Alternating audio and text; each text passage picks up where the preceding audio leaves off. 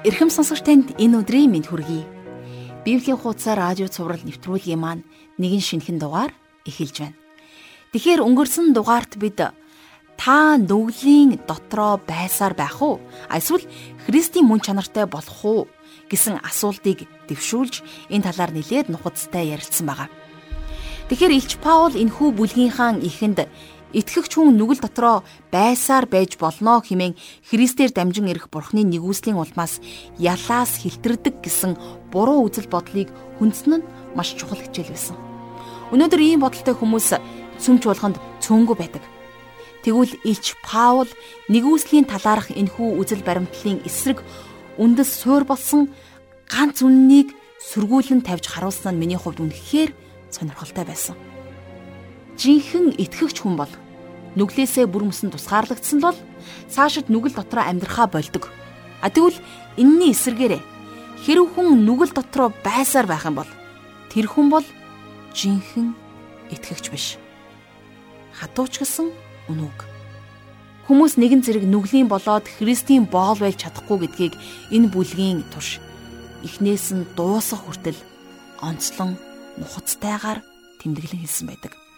Эндээс бид нүглийн гол мөн чанар бол хуваа хичээх юм гэсэн дүгнэлтэнд хүрч болох юм. Өөрөөр хэлбэл бусад хүмүүсийн сайн сайхан төдийгүй бурхны тушаалуудыг үл тоомсорлон ямар нэгэн зүйл юм уу эсвэл сэтгэлийн таашаалаа бусдаас харамлах явдлыг хэлэх нь. Энэ нь бусдад хэрцгий хандаж бурхан болон түүний үгэнд захирагдахад саад болдог юм. Тэгэхээр нэг ёсондоо ийм байдал нь бурхны эсрэг дайсагнал төдийгүй түүнд дуулуургүй байх тэрл дуулуургүй байдал юм. Түүнчлэн бидний санаж явхад илүүдэхгүй нэг зүйл бол нүгэл гэдэг бол Адамаар дамжин хүн төрлөختөнд ирж бүх хүнд тархаж халдварлсан тэрл тахал юм. Тэгэд мөн тэнгэрлэг шүүлтээр илчлэгдэж бие махбодын болоод сүнсний үхлийг авчирсан талаар бид үзэж сурсан байгаа. Тэгэхээр энэ бол зөвхөн Христэд итгэх итгэл төдийгүй түүний золилтын үйлсээр дамжуулан зайлуулж болох тийм л хүч чадал. Итгэгч хүмүүс бид Христтэй хамт нас барж түүнтэй хамт амьлсан. Халелуя.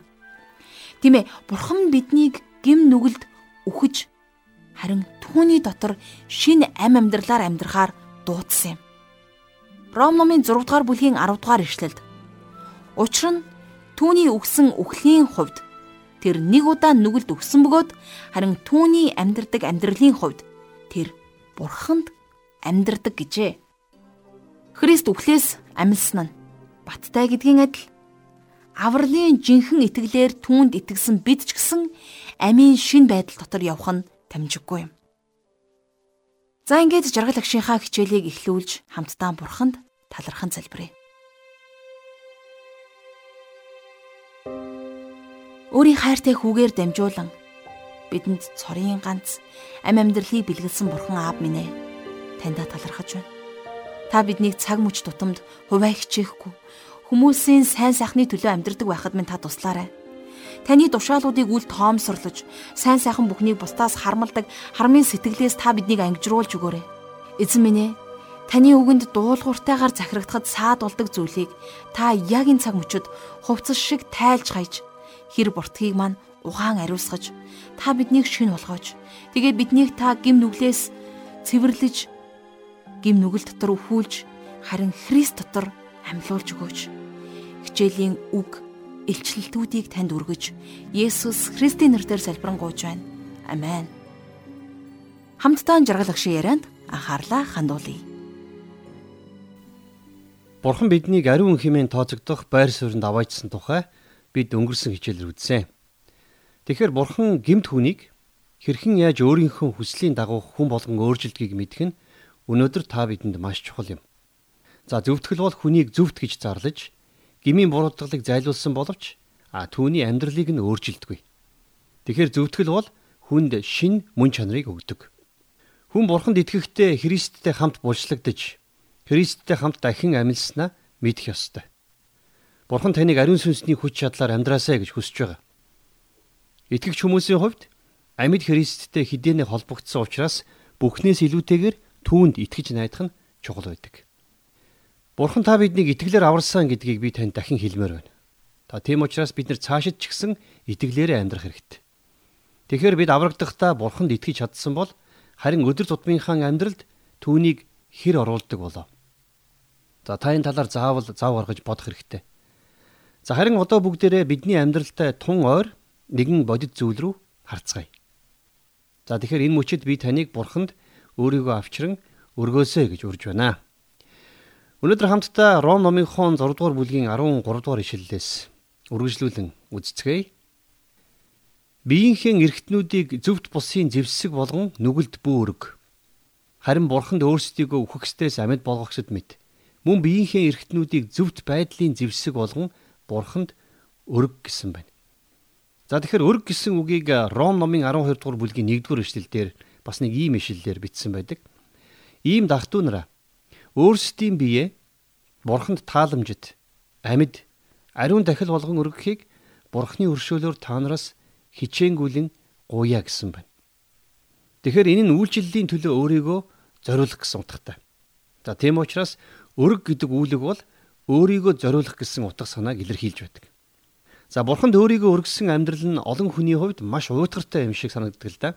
Бидний асуудал бол хуучин мөн чанартаа дэндүү анхаарал тавьж дийлддэг явдал баг юм. А гэхдээ бидэнд өөрсдийн хүслээр бурхан захирагдаж шин мөн чанарынхаа дагуу амьдрах чадвар байгаа. За энэтэй холбогдуулж амьдралын нэгэн энгийн жишээг энд ярил л да. За нэгэн бяцхан охин шүн орноосоо унаад уйлсан байна. Ээж нь очиж түүнийг тайвшруулад яагаад унсныг нь асуухад охин би орныхоо ирмэгт хитрхи ойрхон унтсан юм шиг байна гэж хариулсан байна. За тэгвэл үнэндээ бид нар ч гэсэн бас яг энэнтэй адилаар хуучин мөн чанартайгаа дэндүүх ойр байдаг учраас түүний өдөрдмжийг дагаж алдаа гаргадаг. Тэгэхээр энэ амьдралдаа бид нар хуучин мөн чанараас салахгүй боловч Бурханд өөрсдийгөө өрг гэж хэлснийг санах хэрэгтэй.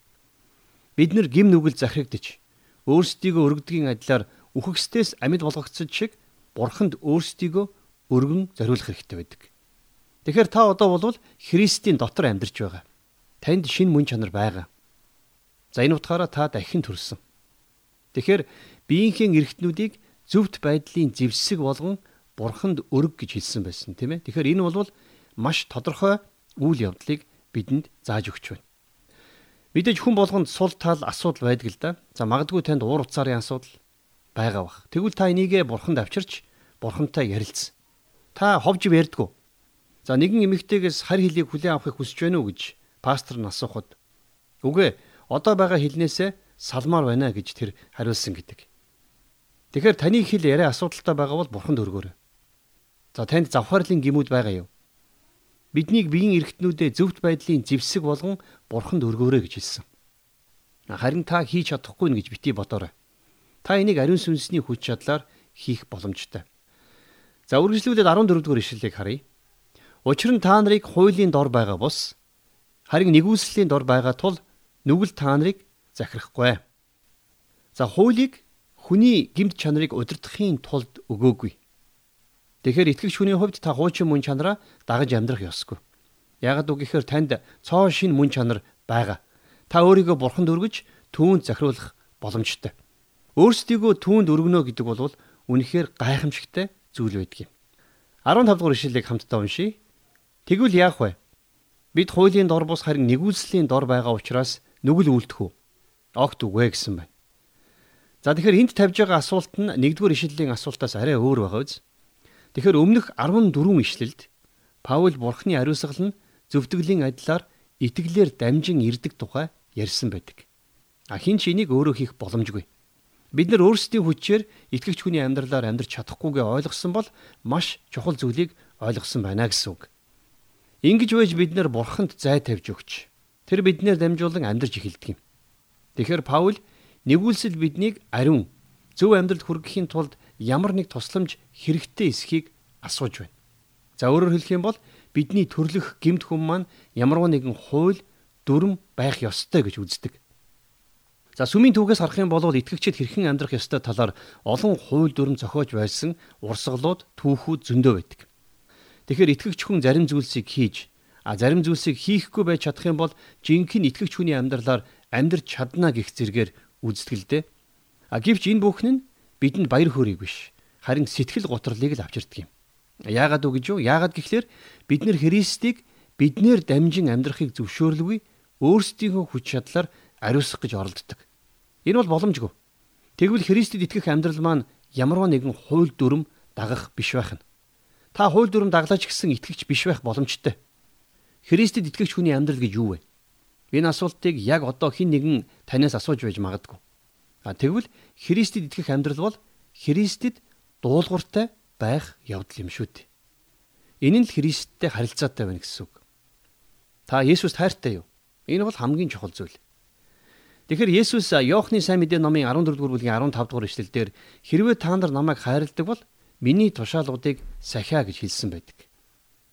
Тэгэхээр бид нар анх Христэд итгэхдээ түүнтэй адил болж ариун гэж тооцогдсон. За энэ нь танд ийм байр суурийг өгсөн. Бурхан.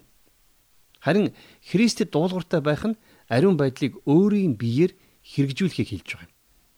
За энэ нь таныг Христтэй хамт нөхөрлөж гэрэл дотор алхаж байгаа эсхийг нь харуулдаг. Гим нүгэл бидний харилцааг тасалдаг боловч бид гим нүглээ илчлэн бурхантай харилцах харилцаагаа сэргээх боломжтой. Та санаж байна уу? Есүс эзэн Петрийн хөлийг угаахдаа хэрвээ би чамайг угаахгүй бол чи надад хамаагүй болно гэж хэлснийг нь Иохан өөрийнхөө бичсэн сайн мэдээ номны 13-ийн 8 дээр бичиж тэмдэглэсэн байна. Тэгэхээр та бурханд гим нүглээ илчлэхгүй бол түүнтэй нөхөрлөх боломжгүй. Тэгэхээр та бидний хувьд хийх ёстой хамгийн чухал зүйл юу вэ гэхлээр Есүс Христийг эзэнтэй нөхөрлөж түүнийг дагах юм. За ингэсэн цагт бид нэр Христэд итгэгч хүний амьдралаар амьдрах боломжтой болдог. Харамсалтай нь олон итгэгч хүн Бурхны нэгүүлсэл маш их байгаа учраас юу дуртайгаа хийж амьдрч болно гэж боддог. За тэгвэл нэгүүлслэр аврагдсан хинч дураараа амьдрах боломжгүй гэдгийг би танд хэлье. За энэ тухай бид хамтдаа цааш 8 дугаар бүлэгт үзэх болно. Тэгэхээр Паул Бас дээрэс нь Галатийн итгэгчдэд бичсэн загталтаа итгэгч хүний амьдрч болох гурван арга зам байна гэсэн. За би энэхээ за би энэ товчхон сэрүүлэн хэлье. Нэгдүгээрт нь та хуулиар амьдрч болно. Хоёрдугаарт нь та тусгай зөвшөөрлөөр харин гуравдугаарт нь эрх чөлөөгөөр амьдрах боломжтой гэж. Тэгэхээр хуулиар амьдрахын тулд заавал ямарваа нэгэн хууль дүрм за журам даах хэрэгтэй болно. А гэвч хуулийг дагаж амьдрч байгаа хүн хуучин мөн чанараа дагаж байгаа гэсэн үг. За Паулийн сэрэмжлүүлсэн хоёр дахь зүйл бол та бурханд итгэснээр түүний нэгүүлслийг авсан учраас юу дуртайгаа хийх зөвшөөрөл авсан хэрэг бишээ гэж. Тэгэхээр та Есүс Христийг эзэн дуулууртай байж өөрийгөө түүнд өргөх ёстой. Энэ бол бидний бодож байгаагаас илүү энгийн амьдралд ойрхон зүйл байгаа юм. За үргэлжлүүлээ 6 дугаар бүлгийнхээ 16 дугаар ишлэлийг уншийе. Та нар өөрсдийгөө дуулууртай байхаар боол болгон хин нэгэнд өгөхдөө үхэлд хүргэх нүгэлч бай. Эсвэл зөвхт байдалд хүргэх дуулууртайч бай. Дагах нэгнийхээ боол нь болдгоо мэдэхгүй гэж юу. За Паул мэдэхгүй гэж юу гэж асуухтаа ихэнхдээ итгэгч нарын мэдэхгүй орхигдуулсан зүйлийн тухай ярьж байдаг. Та нар өөрсдийгөө дуулууртай байхаар боол болгон хин нэгэнд өгөхдөө за дагах нэгнийхээ боол нь болдгоо гэсэн байна. Амьд байгаа хүн бүхэн хин нэгэн эсвэл ямар нэгэн зүйлийн боол байдаг. Энэ бол үнэн. Та сатаныг ч дагаж байж болно. А бид төрөлхийн гимт чанартай учраас ямар нэгэн зүйлд боолчлогдож а эсвэл хин нэгний боол нь болсон байдаг. Харин бид нар хэнийг дагаж байна? Тэр нь бидний эзэн болдгоо гэж Паул хэлж байна. Хэрвээ та гимиг дагдаг бол гим таны эзэн. Хэрв та өнөөдөр гим дотор амьдарч байгаа бол Христ таны эзэн бишээ гэсэн үг. На гэхдээ тэр таныг эргчүүлөөнд хүргэж чадна. Хэрвээ та санаж байгаа бол Иохан номын 8-ын 36 дугаар эшлэлдэр иймээс хэрв хүү та нарыг чөлөөлбөл та нар үнэхээр эрх чөлөөтэй болно гэсэн байдаг. Тэгэхээр энд ямар эрх чөлөөний талаар ярьж байгааг та мэдж байна уу? Бурхны төлөө амьдарч түүнийг дагах эрх чөлөөний тухай юм. Иохан номын 8-ын 34 дугаар эшлэлдэр Есүс хэлэхдээ үннээр үннээр би та нарт хэлье нүгэл үлдэгч бүр нүглийн боол мөн гэж маш тодорхой хэлсэн байдаг. Тэгэхээр бид нар ямар мэрэгжилтэй хэн байх нь хамаагүй. Харин юуг дагаж байна? Тэр зүйлийнхээ боол нь болсон байдгаа гэдгээ ойлгох хэрэгтэй. Энэ нь биднийг нилээд хувийн чанартай асуултанд хүргэж байгааг таалав анзаарч байгаа. Тэгэхээр Христ үнэхээр таны эзэн мөн үү? Та хүн алддаггүй, худлаа хийдэггүй, хулгай хийдэггүйгээд Христэд итгэвч болохгүй. Та сайн хүн байж болно. Гэхдээ нэг зүйлийг маш сайн ойлгох хэрэгтэй. Энэ бол итгэгч хүний амьдрал. Христийг дагах тухай. За 17 дугаар ишлэгийг хамтдаа уншийе. Харин талархал нь бурханд байг. Учир нь та нар нүглийн боолууд байсан боловч та нар өөрсдөд чинь өгөгдсөн уг сургаалын хев маягт зүрхнээсээ дуулууртай болж гисэн байна. За энд түр зогсъё. Тэгэхээр өөрөөр хэлэх юм бол та алдагдсан дэлхийн амьдралаар амьдарч байхдаа гим нүглээ дагдаг байсан. Энэ нь таны төрлөх чанар байсан гэсэн үг. За тэр үед бол гим нүгэл таныг удирддаг байсан. А харин та аврагдах үедээ Христийг дагаж чадах шин мөн чанартай болсон гэдгээ ойлгох хэрэгтэй. Паул ч гэсэн өөрөө энийг өөр дээрээ мэдэрсэн учраас энэ тухайга дараагийн бүлэгт өгүүлж за түүний хуучин мөн чанарт ямар ч сайн зүйл байгаагүй тухай ярьсан байдаг. За тухайлах юм бол 7 дугаар бүлгийн 18 дугаар ишлэлдэр Паул хэлэхдээ Учир нь миний дотор буюу миний махан биед ямар ч сайн зүйл байдаггүйг би мэддэгэ гэж хэлсэн байна. Олон хүн энийг мэдэхгүй байж болох ч гэсэн үнэндээ бидний дотор за бидний хуучин мөн чанарт ямар ч сайн сайрхах зүйл байдаггүй. За хоёр дахь гайхмаар зүйл бол шин мөн чанар маань өөрөө хүч чадалгүй юм. За бидний ихэнх нь бас энэ дээр алддаг. Бид нэр Христэд итгэсэн учраас өөрсдийгөө мундаг болсон юм шигээр боддог. А гэвч бид нар тийм байж чадахгүй. Бид нар урдийн адил сул дорой хэвээрээ байгаа. За тийм л учраас бид нар итгэлээр ариун сүнсний хүч чадлаар алхах хэрэгтэй байдаг. Зөвхөн ариун сүнсэд итгэгч хүний амьдралыг бий болгож чаддаг юм. За 18 дугаар ишлэлдэр төрөүний ишлэлийн үргэлжлэл байгаа. Нүглээс чөлөөлөгдөн зүвийн боолууд болсон гэж. Тэгэхээр бид нар чөлөөлөгдсөн байх нь. За өөрөөр хэлэх юм бол Бурхан бидэнд итгэгч хүний амьдралаар амьдрах боломжийг өгсөн. За инглигээд гим нүгэл бидний амьдралаас арилсан гэсэн үг биш. А гэхдээ бид Бурханы төлөө амьдрах боломжтой болсон.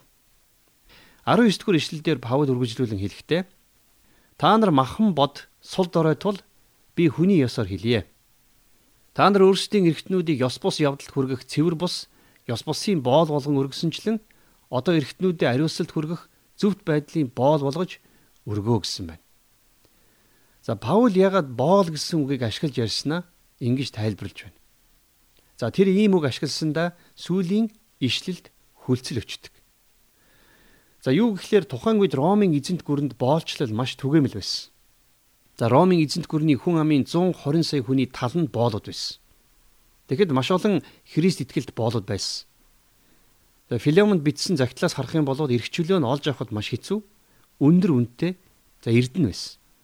Тийм учраас Паулийн тухай тайлбарлахдаа хүний ёсоор ярья гэж хэлсэн байна.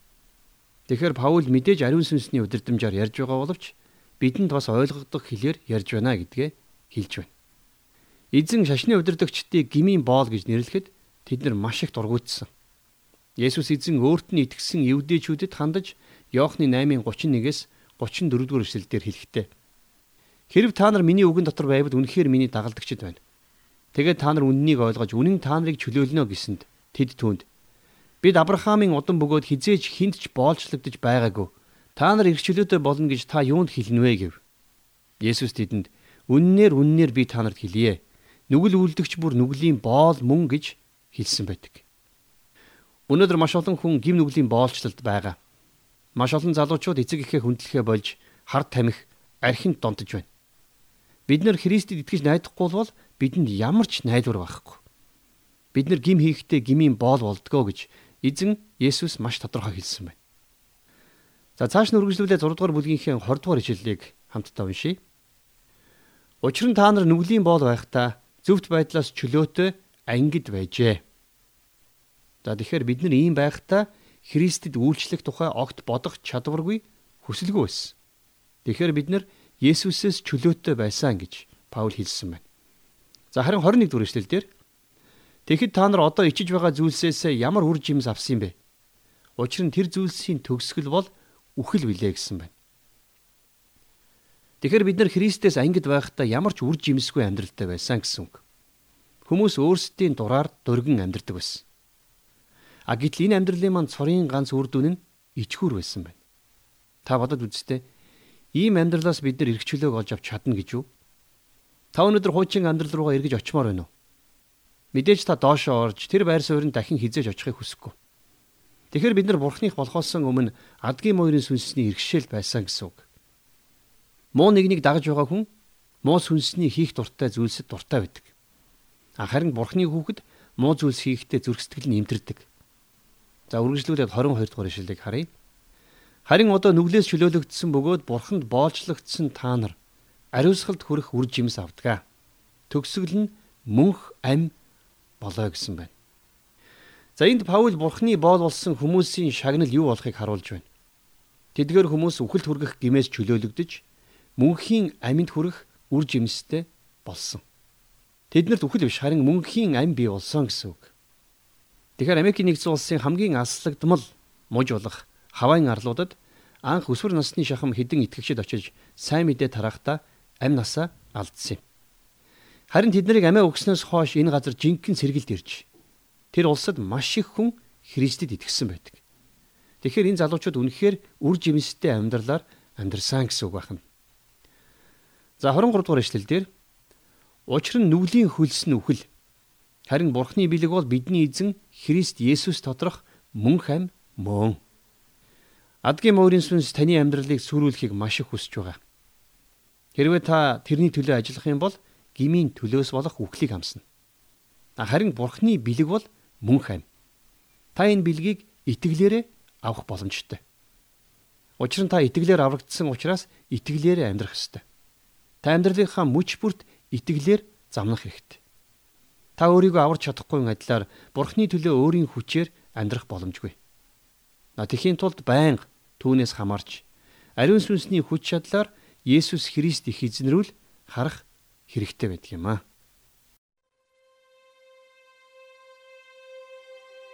Тэгэхээр та өөрийн амьдралыг 100% хин нэгэнд зориулж чадах уу?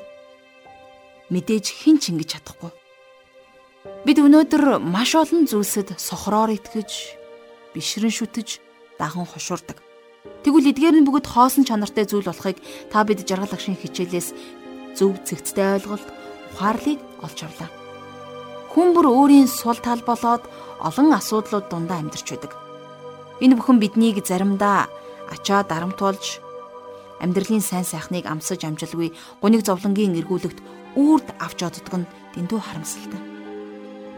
Тэгэхээр танд өнөөдөр мөнхийн амьтай аврагч байна.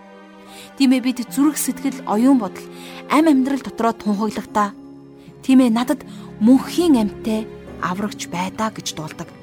Тийм ээ түүний байгааг таны хайрлаж хамгаалдаг гэдгийг энэхүү радио хичээлээр сонсож мэдсэн болохоор би таныг өрөөлтэй хэмээн урамшуулан тунхаглаж байна. Итгэгч хүнийг болгон зөвхөн Христ дотор амьдарч байдаг. Тэд хэдийнэ шин мөн чанарыг түүнээс авсан. Учир нь итгэгч хүнийг болгон түүний дотор дахин төрсөн.